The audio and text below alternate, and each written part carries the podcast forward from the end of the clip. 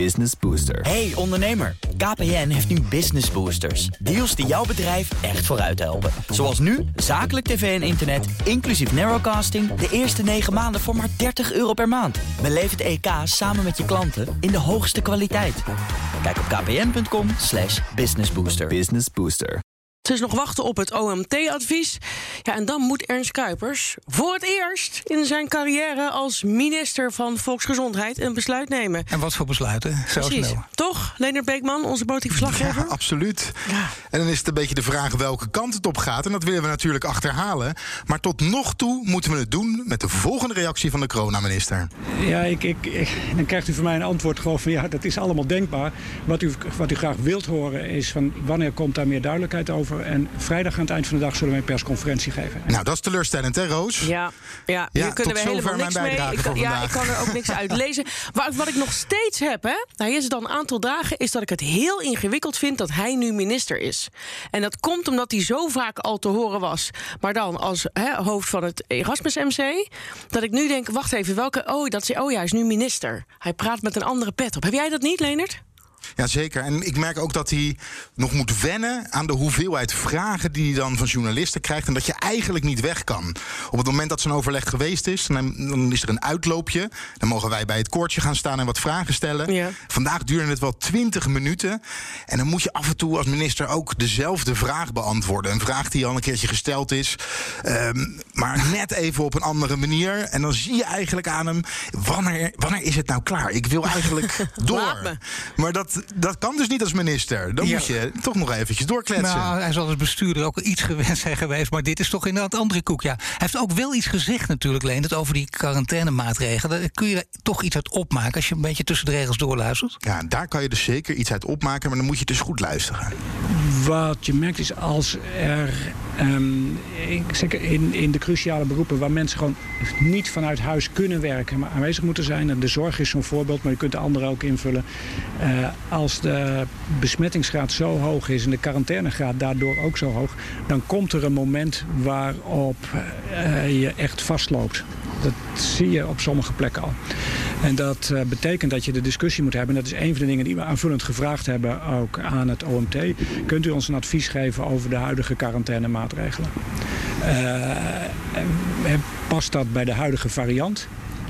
Of eh, zijn er mogelijkheden om dat aan te passen? Eh, het antwoord heb ik niet, maar de vraag spreekt voor zich. Nou, dat lukt jou wel. Wat maak je daaruit op? Nou, volgens mij ziet hij hier in de oplossing naar het einde van de lockdown. Op het moment dat die quarantaineregels minder streng zijn dan dat ze nu zijn. En laten we niet vergeten, vorige maand, hè, in december, voordat de strengere coronamaatregels ingevoerd werden, was dat ook zo. Op dat moment, op het, als jij een prik had gehad, dus een vaccinatie, of het virus had doorgemaakt en je was in contact geweest met iemand voor korte tijd die besmet was, dan kon je na vijf dagen kon je, ehm, een, een test doen en dan hoefde je niet in quarantaine. Dus we zouden naar, daar naartoe terug kunnen. En hij ziet dat dus ook Ja. eh, als een oplossing uit deze lockdown. Want hoe, Want- dat, dat moet je even uitleggen aan me, want hoe is dat een oplossing? nou, wat er gebeurt op het moment dat er te veel. En, ehm, Omicron zorgt ervoor dat mensen sneller besmet, besmet Ja. raken. Dus Ja. de, het verwachting is ook dat als je nu uit de lockdown stapt, dat Ja. er veel meer mensen besmet raken. Maar dat betekent ook dat iedereen die met een besmet iemand in contact is geweest, in quarantaine moet. Dus dan krijg je op een gegeven moment een situatie waarin het land eigenlijk op slot gaat doordat er zoveel mensen in quarantaine zitten. Mhm. En dan moet je ook. Dat zijn mensen in de zorg, dat zijn mensen in het onderwijs. Dan moeten er klassen moeten er naar huis. eh, ziekenhuizen. Mhm. Maar die, Leonard, eh, sorry, we zitten nu in een lockdown en daar is eigenlijk nu al sprake van. Hè? We, we spraken gisteren Doekle Terpstra van de installatiebranche. Die zei, wij moeten al afspraken eh, uitstellen. Geldt voor meerdere branches in Nederland. En we zitten dus middenin een, kei, een keiharde lockdown. Dus ik zie niet hoe hij de quarantaineregels versoepelen... ziet als een uitweg uit deze lockdown. Ik Nou, zie wel dat je dat dan verlicht. Dat probleem waar we nu al mee, mee worstelen, maar niet met bijvoorbeeld de zorg... die misschien overbelast kan worden. Want ja, Nou, daar hoor ik de viroloog ook nog eh, over. Dat, er dat je minder lang in quarantaine hoeft. Be- eh, mensen komen letterlijk kunnen weer sneller aan het werk. Als je niet Ja. Mhm. vijf of tien dagen in quarantaine moet, maar maar drie, betekent het dat mensen weer sneller op de werkvloer zijn en weer sneller aan het werk zijn. Dus dat er minder Snap ik. mensen thuis zitten zonder. eh, Ja. Maar dan- zonder een eh, ja, besmetting. En ook, die ook aan het werk hadden kunnen gaan. Ja, dat snap ik. Dus dan los je dat, dat economische gedeelte los je op. Maar dat wil niet zeggen dat die enorme golf niet alsnog toch voor ziekenhuisopnames kan leiden. Dus Ja, dat absoluut. Daar maakt hij zich ook zorgen over. Maar dan wordt er vaak, worden er vergelijkingen met het buitenland gemaakt... waar nu wel de zorg hè, extra belast wordt... maar waar, waar wel duidelijk te zien is... dat het aantal mensen, hè, dat, als je naar het aantal besmettingen kijkt... en naar het aantal ziekenhuisopnames... dat dat veel lager is dan bijvoorbeeld bij de Delta-variant. ja, ja. Even heel wat anders. Ehm, Wopke Hoekstra, die zit in quarantaine. Hè? Een van zijn Ja. kinderen heeft een positieve test, begreep ik. Ja, die heeft een positieve zelftest. Dus hij moet ook zelf thuis zitten. En dat is niet heel handig voor de minister van Buitenlandse Zaken. Nee. Zo moet hij namelijk morgen in Frankrijk zijn voor een informele top. Met andere ministers van Buitenlandse Zaken over het voorzitterschap van Frankrijk van de EU.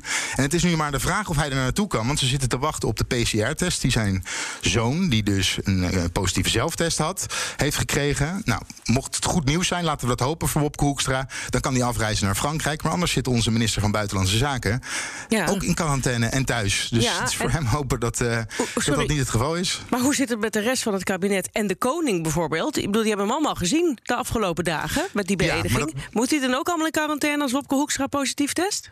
Ja, als Wopke Hoekstra positief test, dan zal dat wel het gevolg hebben dat iedereen, en zeker het kabinet, je zag nog wel bij de installatie van het, eh, van het, eh, het kabinet, dat iedereen, dat de hele regering Mhm. afstand hield. Ja.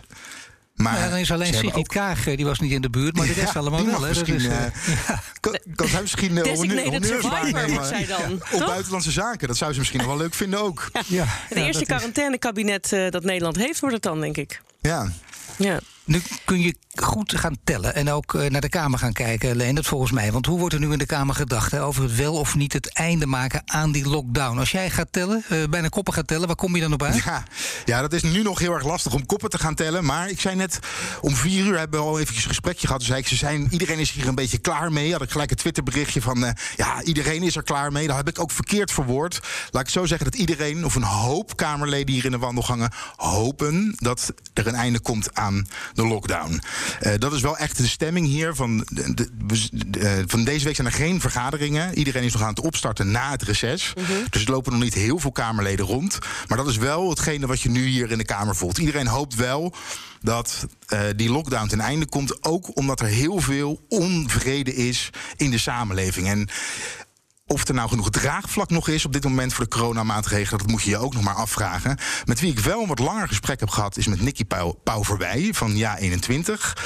Zij is natuurlijk oppositie, maar zelf ook arts. En zij hoopt dus ook dat er aanstaande maandag, een, of maandag aanstaande vrijdag een einde komt aan die lockdown. Risico's zijn er altijd, maar tegelijkertijd zien we op dit moment dat de horrorscenario's waar het OMT van uitging, eh, dat die in het buitenland niet uit lijken te komen. Dus wij denken dat we minder voorzichtig kunnen zijn en meer in moeten zetten op de roep vanuit de samenleving om Nederland weer open te gooien. Misschien doen we het wel zo goed, juist omdat er een lockdown is. Dat zou kunnen. Dit heeft, er zijn natuurlijk altijd positieve effecten van de maatregelen die er genomen worden. Maar we zien dat bijvoorbeeld eh, in de UK, in Denemarken, maar ook in België, dat ze daar met veel en veel minder maatregelen af kunnen. eh, en dat daar toch ook geen horrorscenario's zich voltrekken. Toch zitten daar wel veel mensen in quarantaine. En het gevaar daarvan is, dat zei ook Ernst Kuipers bij de, de uitloop van het overleg, is dat de samenleving daardoor ook eigenlijk ook op slot raakt.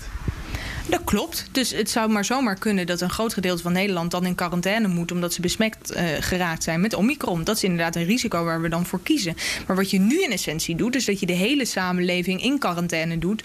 om die eh, besmettingen te voorkomen. Eh, nou, dat lijkt me geen goed alternatief.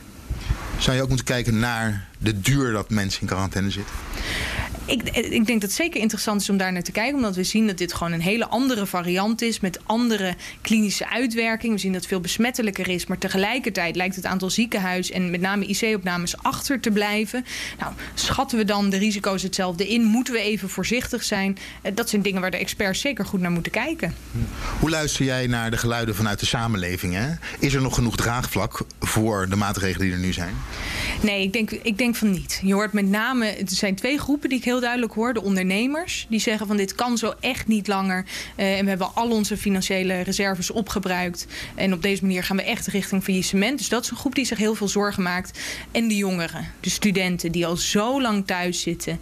Die zeggen van ja, ik trek dit eigenlijk niet meer. En het begint zo'n zware wissel op mijn mentale staat te trekken. En dat zijn ook, hè, dat zijn ook zorgvragen uh, die we mee moeten nemen. Ons zorgstelsel bestaat niet alleen uit de IC's, maar ook uit de jeugd GGZ. Dus dat vind ik een hele belangrijke uh, afweging om te maken. Ja. Stel, waar jij voor pleit, dat Nederland weer open gaat, moet dat dan ook met extra maatregelen, zoals bijvoorbeeld 2G of het corona-toegangsbewijs op meer plekken dan alleen in de horeca bijvoorbeeld?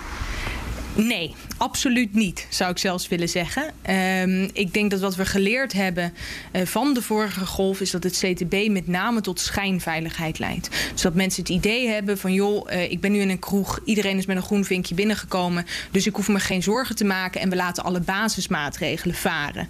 Nou, juist van die basismaatregelen is aangetoond... dat ze heel erg goed zijn in besmettingen voorkomen. Van het CTB is dat niet aangetoond. Dus wij willen heel graag dat er juist meer op de basismaatregelen ingezet wordt. En niet op het CTB of uitbreiding daarvan laat staan op 2G. Ja, wat is dan wel de oplossing eigenlijk, Leendert?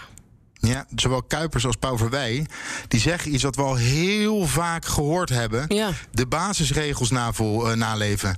En dan vooral testen bij klachten en thuis blijven totdat je de uitslag hebt. Dat is het aller, allerbelangrijkste. En dat gebeurt nu nog te weinig. Ja, na twee jaar pandemie.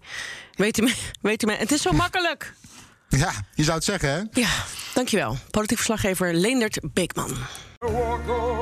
Hardlopen, dat is goed voor je. En Nationale Nederlanden helpt je daar graag bij. Bijvoorbeeld met onze digitale NN Running Coach... die antwoord geeft op al je hardloopvragen. Dus, kom ook in beweging. Onze support heb je. Kijk op nn.nl slash hardlopen.